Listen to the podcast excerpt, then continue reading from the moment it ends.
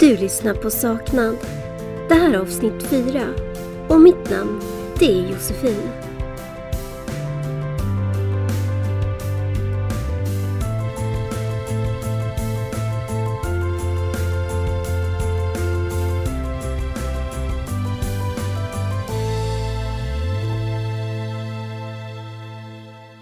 Har du drömt om att driva ditt eget företag?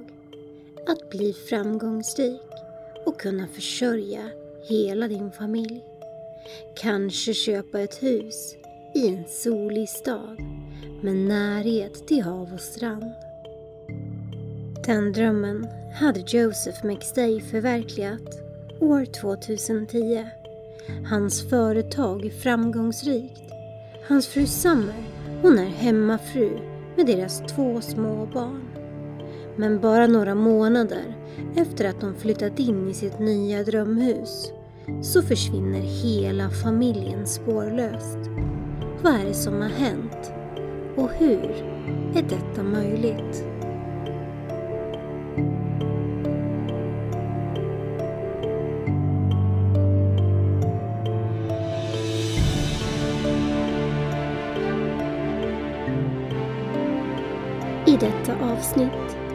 Vi befinner oss i USA, i ett soligt Kalifornien, i ett lugnt bostadsområde norr om San Diego. Här bor familjen McStay med närhet till hav och stranden. Joseph, han är 40 år gammal. Han har lockigt halvlångt hår och bruna ögon. Fördomsfullt kan man säga att han ser ut som en surfare. Men vi har också sett bilder på Joseph med rakad kort frisyr. Summer, hon är 43 år. Hon har långt, ganska rakt mörkbrunt hår. Även hon har bruna ögon och Summer, hon bär glasögon. Joseph, han har alltid drömt om att vara entreprenör och egen företagare. Han jobbade i en presentbutik där han bland annat sålde små fontäner och vattenfall. Och det är här han kommer på sin idé. Att han kan bygga dessa fontäner och vattenfall själv hemma i sitt garage. För att sedan sälja dem vidare. Han tar hjälp att bygga en hemsida och hans lilla företag, det börjar att växa. Det går några år och Joseph, han träffar Summer. De börjar dejta. Summer hon kommer från ett destruktivt förhållande. Hennes expojkvän hade varit våldsam och kontrollerande. Han hade bland annat färgat håret och börjat bära linser efter att Summer hade lämnat honom. Han försökte efterlikna Summers drömkille. Joseph och Summer, de blir ett par och expojkvännen, han är ett minne blott. Joseph och Summer, de gifter sig och får snabbt två små barn, båda pojkar, med bara ett år emellan. Josephs företag, det växer och han behöver ta in en svetsare och det är nu han börjar jobba med Casey. Casey tillverkar större dekorativa vattenfall åt Joseph. Casey och Joseph, de blir snabbt nära vänner och de äter ofta middag hemma hos varandra på kvällarna på sin fritid, då spelar de ofta paintball tillsammans. Joseph, han beskrivs som en snäll och generös man som är väldigt duktig på att hantera sina kunder. Casey, han beskrivs som en social och mycket trevlig kille. En sån där kille som alla gillar. Han brukade nästan alltid bära cowboyhatt. Tillsammans tillverkar de fina och eftertraktade fontäner och vattenfall och de har kunder över hela världen.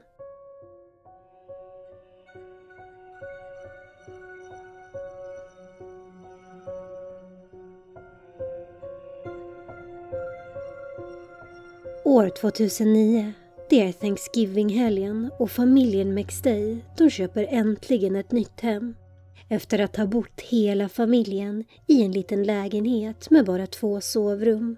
Huset, det ligger norr om San Diego. På hemmafilmen hör vi Joseph berätta hur mycket han älskar berget bakom deras nyinköpta bostad. Han fortsätter in i huset. Han går in i köket och han beskriver hur han planerar att byta ut vitvarorna till nya fräscha i rostfritt stål. Att de ska måla om och att han ska byta bänkskivor till granit.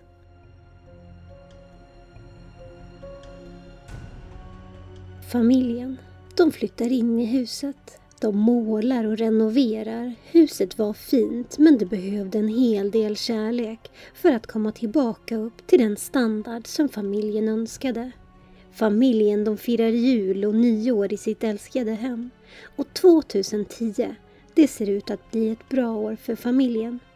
Summer, hon är hemmafru och sköter om barnen. Nu tre och fyra år gamla. Joseph, han sköter om familjens växande företag. Familjen är lycklig i sitt nya hem och de två små pojkarna, de skrattar, ler och busar i den nya trädgården tillsammans med familjens två hundar. Den 4 februari 2010 så får Joseph en stor check på en fontän han levererat. Den är på 16 000 dollar. Han måste ta checken till banken för att lösa in den. Joseph, han bestämmer möte med sin partner Casey. De ses på en snabbmatskedja för att äta lunch. Casey, han berättar i en intervju för CNN att det lät som att Joseph hade planer för framtiden. Han berättade att de pratade om det kommande året och att de diskuterade arbete. Vännerna, de skiljs åt efter lunchen men de talas vid på telefonen ett antal gånger under eftermiddagen och kvällen. Det sista samtalet, enligt Josephs samtalslistor, det är klockan 8.28. Casey, han säger i intervjun till CNN att han inte minns det sista samtalet. Men han säger att han kollade på film med sin flickvän som senare påminner honom om att Joseph hade ringt på kvällen och att Casey hade kollat på sin telefon men beslutat sig för att inte ta samtalet. Han fortsätter intervjun och han säger att det är något han ångrar idag. Casey, han hade problem att hålla i pengarna. Han fick ofta låna pengar av Joseph och planen den var alltid att dra av på skulden när han levererade nästa vattenfall. Joseph höll koll på Caseys skulder i ett Excel-ark och han såg det inte som något större problem. Men Summer, hon såg Caseys beteende som ett problem och hon var ganska trött på Casey. Det var även Gina.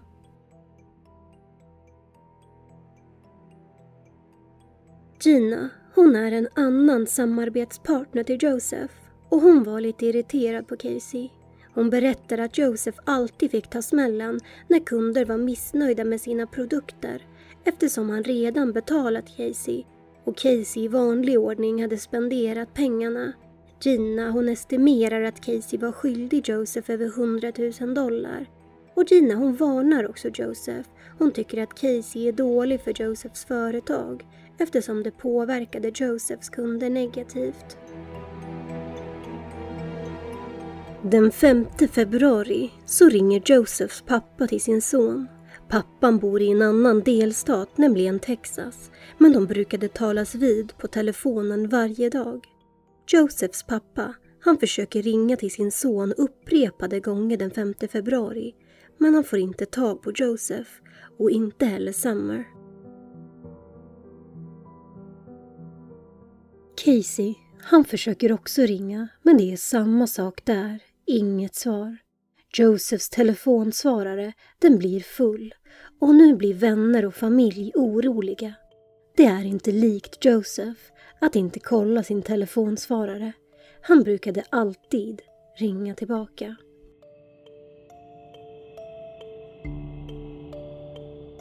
Josephs pappa, han ringer till sin andra son Michael som inte alls är lika orolig. Michael, han säger att Joseph kanske åkt på semester. Joseph och Summer, de var spontana och det var inte helt ovanligt att de tog mobilfria helger eller att de lämnade stan ganska spontant för någon liten resa. Men de brukade dock alltid berätta för sin familj och sina kollegor.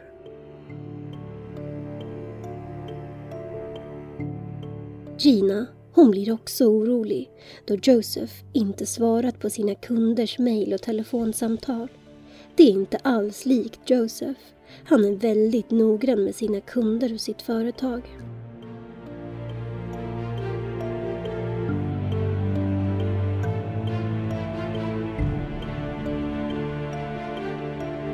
Det passerar sex dagar och ingen hör någonting från familjen McStay.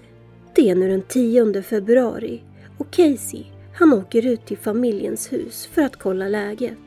Han ser att ingen är hemma, men resten ser ut som normalt. Den gröna pickuppen, den står parkerad framför garaget. Det ligger några skor utanför dörren och en tidning på uppfarten. Han reagerar dock på att hundarna är ute i trädgården utan mat och vatten. Det står två stora tomma skålar utomhus och det ligger en stor sönderriven påse med hundmat. Casey, han ringer till Josephs mamma som föreslår att han ska mata hundarna, flytta skålarna för att sedan komma tillbaks två dagar senare och se om någon har varit där och flyttat skålarna igen.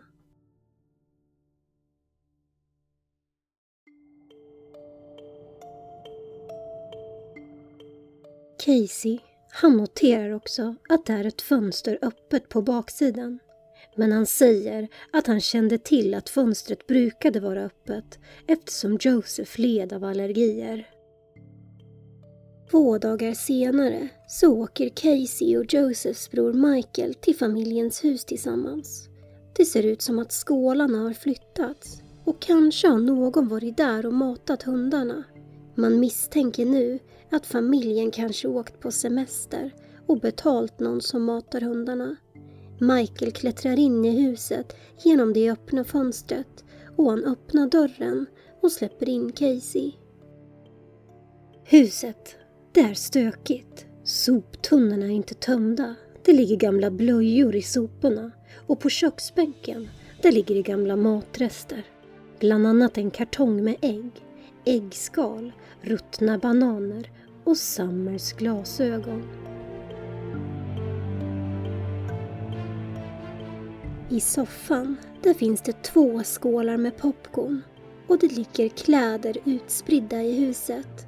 Det finns dessutom öppna resväskor i ett av rummen på övervåningen. Man tycker också att det är märkligt att det finns otvättade penslar och öppna målarburkar. Det var ovanligt. Joseph och Summer, de var noggranna och lämnade normalt inte sånt framme.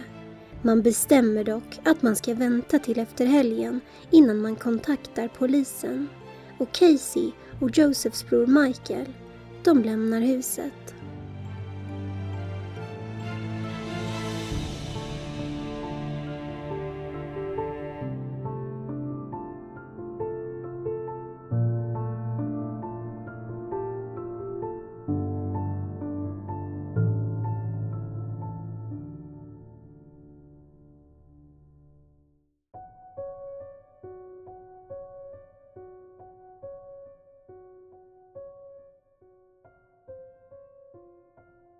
Måndagen, det är den 15 februari och det har gått 11 dagar sedan någon senast hade kontakt med familjen. Nu kontaktar man polis och det är Michael som ringer. Polisen de kommer till huset och man öppnar en utredning. Men det ska ta tre dagar innan man undersöker huset. Något som polisen har fått viss kritik för eftersom minst fyra personer har befunnit sig i huset. Josephs mamma har bland annat städat undan maten. Hon har slängt soporna och de gamla blöjorna. Om familjen försvunnit mot sin vilja så finns det en stor sannolikhet att hemmet skulle kunna vara en brottsplats som nu har kontaminerats. Några dagar tidigare, nära den mexikanska gränsen, hittas en bil parkerad den 8 februari den har blivit övergiven på en parkeringsplats och bortboxerad. Nu, den 15 februari, så inser polisen att det är familjen McStays bil. Bilen, den har inga tecken på att något brott skulle ha begåtts i samband med bilen. Det finns inget blod eller märkliga föremål. Den 19 februari gör polisen en husrannsakan i familjens bostad. Och i ett av protokollen kan man läsa att polisen tar Summers dator i beslag. Där hittar man flera sökningar angående Mexiko och att resa till Mexiko med barn. Man hittar också programvara på hennes dator som är för att lära sig prata spanska. På en grannes övervakningskamera kan man se hur familjens vita bil backas ut från uppfarten strax innan klockan åtta på kvällen den 4 februari. Man ser i princip bara hjulen på bilen och man ser inte vem som sitter i den. Man hittar också en suddig övervakningsfilm av en familj om fyra som promenerar över gränsen till Mexiko och man tycker att det är väldigt likt familjen McStay. Polisen får in några vittnesmål, några som säger att de sett familjen på olika platser i Mexiko.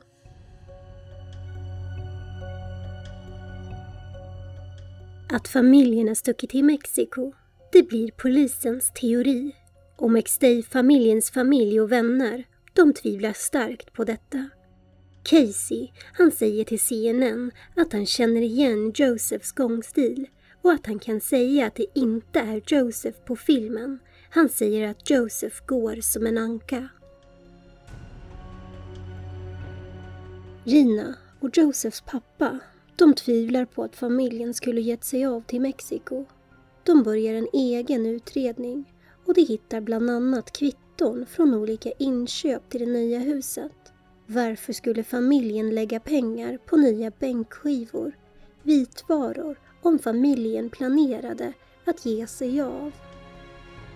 Familjen, de har också lämnat Summers glasögon och dubbelvagnen som familjen normalt sett alltid hade med sig när de lämnade huset. När familjen försvinner så har de även 100 000 dollar på sitt bankkonto. Varför skulle familjen McStay lämna USA utan de pengarna om de försvunnit av fri vilja? En teori som börjar cirkulera det är att det kanske kan vara mexikanska drogsmugglare som pressat Joseph. Att han skeppade sina fontäner internationellt var känt. Så kanske hade de försökt få Joseph att smuggla kokain i sina fontäner. Josephs bror Michael, han fixar en hemsida med bilder och information i hopp om att få tips på vart familjen kan ha tagit vägen. Familjen McStay, de älskade sina hundar. Och det är väldigt olikt dem att lämna hundarna ensamma. Detta det är också en bidragande orsak till varför familjen misstänker att de inte försvunnit frivilligt. Josephs familj, de går igenom både Summer och Josephs mail. Ett efter ett undersöker man mejlen och letar efter ledtrådar. Man upptäcker att Summer har fått ett mejl från sin före detta pojkvän Vic.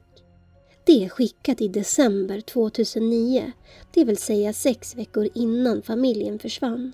I mejlet står det Happy birthday Summer, Love Vic, forever and ever.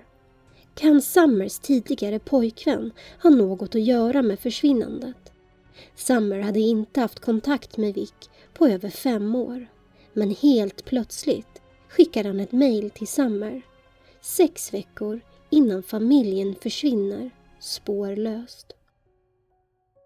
Vic, han har också flera noteringar i brottsregistret. Han har bland annat hotat att döda sina grannar. Han skulle ha sagt, citat, att han är en marinsoldat och att han visste hur man dödade. Bara en vecka innan familjen försvinner har Vic blivit arresterad. Han har vägrat lämna en bar efter ett bråk. Denna bar, den ligger bredvid Josephs butik, inte alls långt från familjens hus. Några dagar efter denna händelse så släpps Vic och då försvinner också familjen. Men det ser ut att bara vara ett sammanträffande. För polisen pratar med Vic och han lämnar ett alibi till polisen och polisen misstänker han inte längre för att ha något att göra med familjens försvinnande. Nu svalnar utredningen. Och inga fler tips kommer in via Michaels hemsida. Och inga iakttagelser görs av familjen i Mexiko.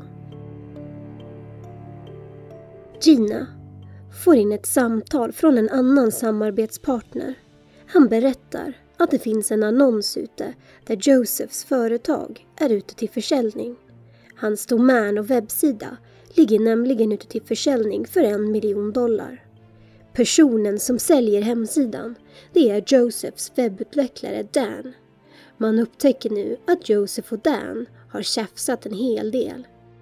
Dan, han tycker att Joseph inte har betalat honom tillräckligt för arbetet med sidan och för att han såg till att hemsidan kom upp bland de första i sökmotorerna. Man upptäcker att Dan upprepade gånger har skickat meddelande där han ber om mer pengar av Joseph. Det är oftast små summor som Joseph för över, såsom 50 dollar och som mest 150 dollar. Men två dagar efter familjens försvinnande så har Dan löst in en check på 2000 dollar och den har dragit från Josephs konto. En journalist besöker Dan och han berättar att han befann sig på Hawaii på en surfingresa när familjen försvann. Polisen, de kollar upp hans alibi som stämmer och nu stryks även Dan från listan med misstänkta. Casey finns även han i polisregistret. Han har till och med suttit av ett kortare fängelsestraff. Men inget av Caseys tidigare brott innefattar våld. Josephs pappa och Gina, de har sina misstankar mot Casey. Pappan säger i en intervju “Keep your friends close, but your enemies closer”. Han berättar att han håller en tät kontakt med Casey. Man upptäcker nämligen flera olikheter i Caseys uttalanden. Han säger till Josephs pappa att han tog det där sista samtalet klockan 8.28. Men att de bara talats vid snabbt och att de pratat om vad de tidigare diskuterat på lunchen. Alltså en helt annan version än vad han gett i sin intervju med CNN. Dessutom så hade Josephs pappa också pratat med Joseph den 4 februari. Han berättade för sin pappa att han och Casey hade bråkat på lunchen men att de hade löst bråket. Casey hade levererat ett vattenfall till en kund i bristande kvalitet, något som Joseph tvingats betala för. Casey, han går också med på att genomgå ett lögndetektortest som han klarar. Nu går tiden och spåren de svalnar. Hur kan en hel familj försvinna spårlöst? Det är nu den 11 november 2013, det vill säga nästan fyra år efter att familjen McStay anmäldes saknad. Nu kommer in ett samtal till 911. Det är en man som åker offroad motorcykel i öknen i närheten av Victorville. Han säger att han hittat vad han tror är delar av ett mänskligt kranium.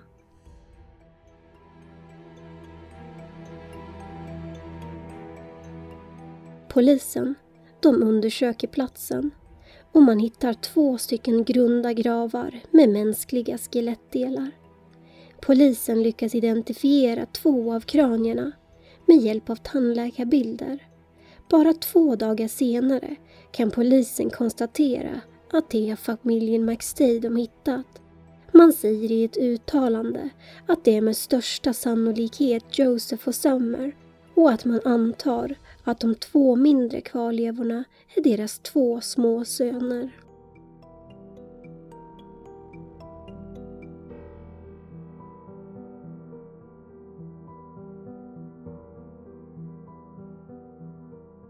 Platsen, den är avlägsen och man misstänker att det är någon som har god kännedom om denna del av öknen som har begravt kropparna. Man hittar även annat bevismaterial såsom kläder, tyger, en mindre slägga och en blöja. Runt halsen på Joseph så sitter en elkabel men man kan se på skadorna att hela familjen har blivit brutalt ihjälslagna och man misstänker att släggan man hittat kan vara mordvapnet.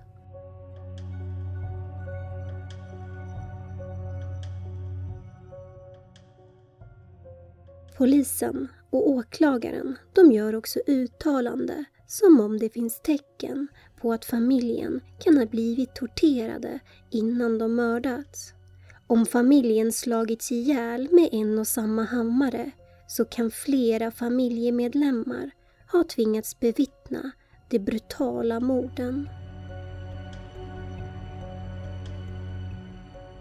Det finns också tecken på att Summer kan ha blivit våldtagen då hon inte haft några byxor och trosor på sig. Hennes trosor och byxor de återfanns bredvid hennes huvud som om någon dragit av dem samtidigt. Finns det någon som har motiv att mörda Joseph och Summer? Och vilket monster tar livet av två små barn?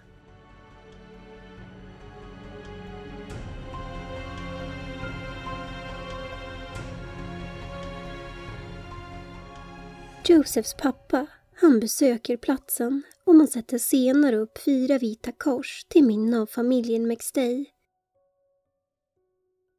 Nu tar en annan poliskår över fallet eftersom kvarlevorna hittats i ett helt annat område. Det heter Victorville. Det ligger inåt landet och över 16 mil norröver från familjens bostad. Området, det hör till San Bernardino.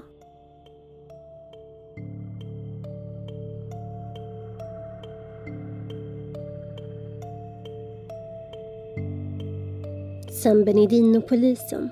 de vill undersöka familjens hus. Men huset, det har sålts för länge sedan och nu bor en ny familj i huset. Kvar finns bilder som San Diego-polisen tog när familjen anmäldes saknad. Man undersöker bilderna och kan se att ett eller flera av rummen har målats om. Man har också tillgång till bilder som tidigare tagits i huset innan familjen försvann och man kan se att det finns några oförklarliga föremål som saknas. I sovrummet finns det en tom krok. Där brukade en morgonrock hänga. Den hittas i en av de grunda gravarna. Josephs kropp, den var inrullad i ett tyg som matchar tyget som saknas på en slags bäddsoffa i familjens bostad. Detta ses delvis som ett bevis på att mordet förmodligen skedde i familjens hus. Polisen de gör ett uttalande. Där säger man att man bedömer att mordet ska ha skett i familjens bostad och att familjen slagits ihjäl med ett trubbigt föremål. Det vill säga att det är fyra extremt våldsamma mord.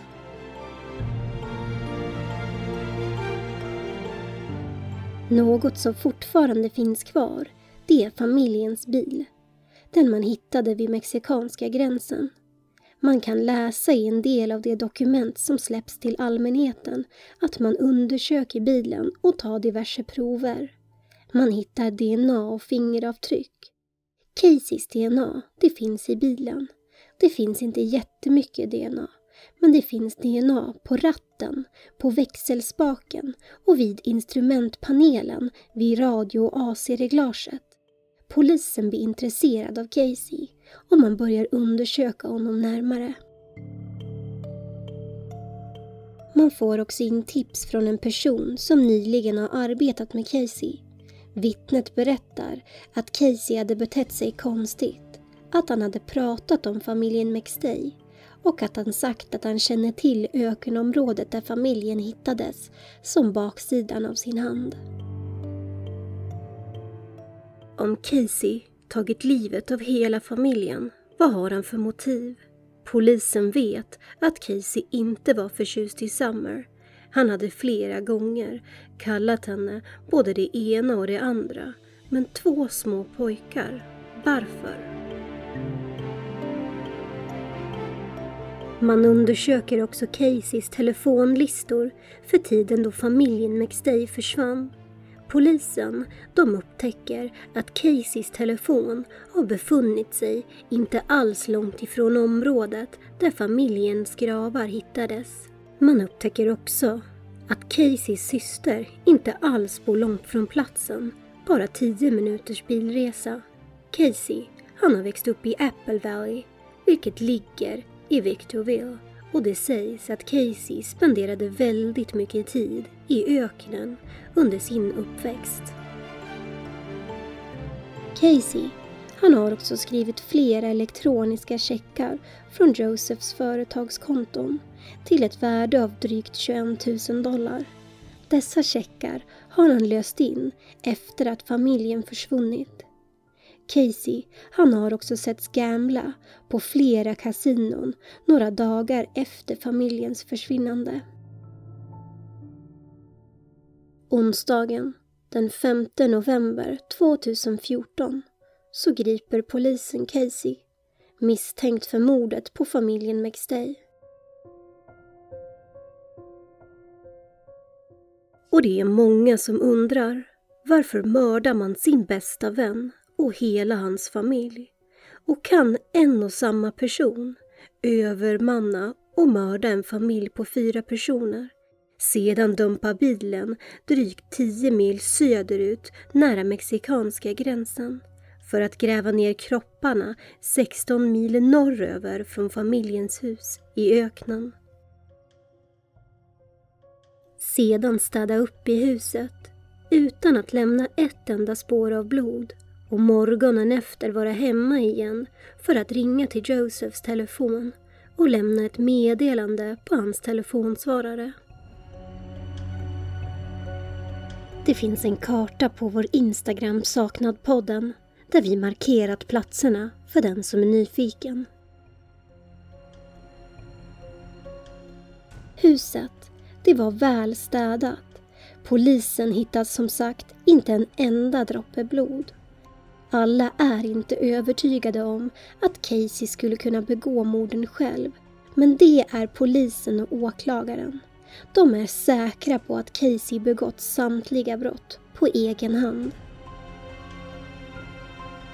En av Caseys försvarare har uttalat sig och sagt att det inte alls är troligt att familjen mördades i huset eftersom det inte finns en enda droppe blod i bevisningen. Han säger att det borde ha funnits massvis av blod på brottsplatsen med tanke på de stora skallskadorna på offren. Man säger också att det inte finns tillräckligt med DNA i bilen det fanns ju DNA kring växelspaken, på ratten och vid AC-reglaget. Caseys advokater, de menar att det borde finnas DNA på dörrens insida och på utsidan. Att det borde finnas DNA på bältet och på andra delar av bilen. Man påstår att DNA som finns i bilen, det är från en handskakning med Joseph, som sedan satt sig i bilen och kört iväg och att det på så sätt skulle vara Joseph som spridit Caseys DNA i bilen. Casey säger att han aldrig kört bilen men att han hade åkt med som passagerare några veckor innan familjen försvann.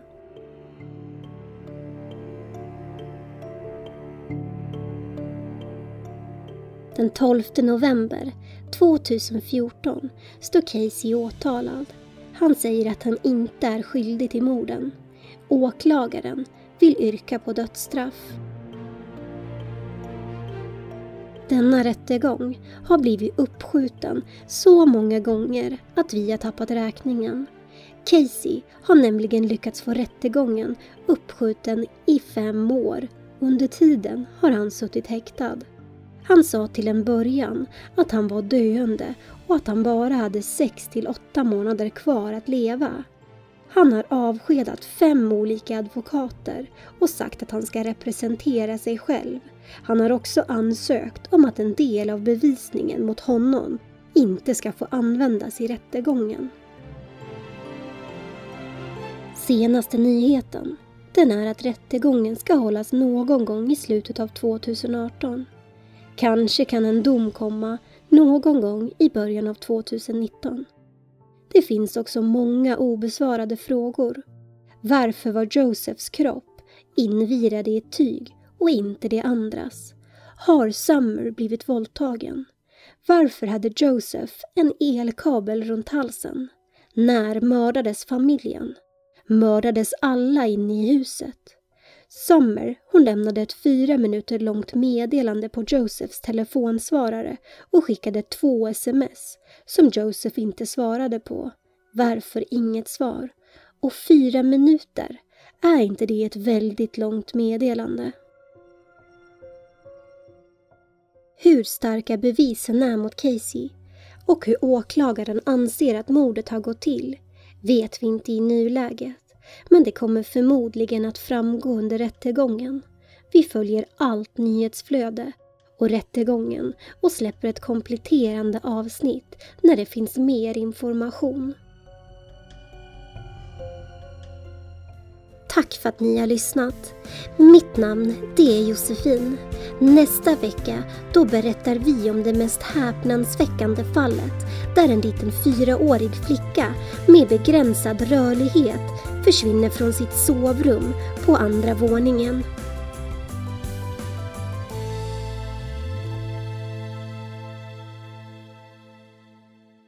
Du har lyssnat på en podcast om ett riktigt brottsfall.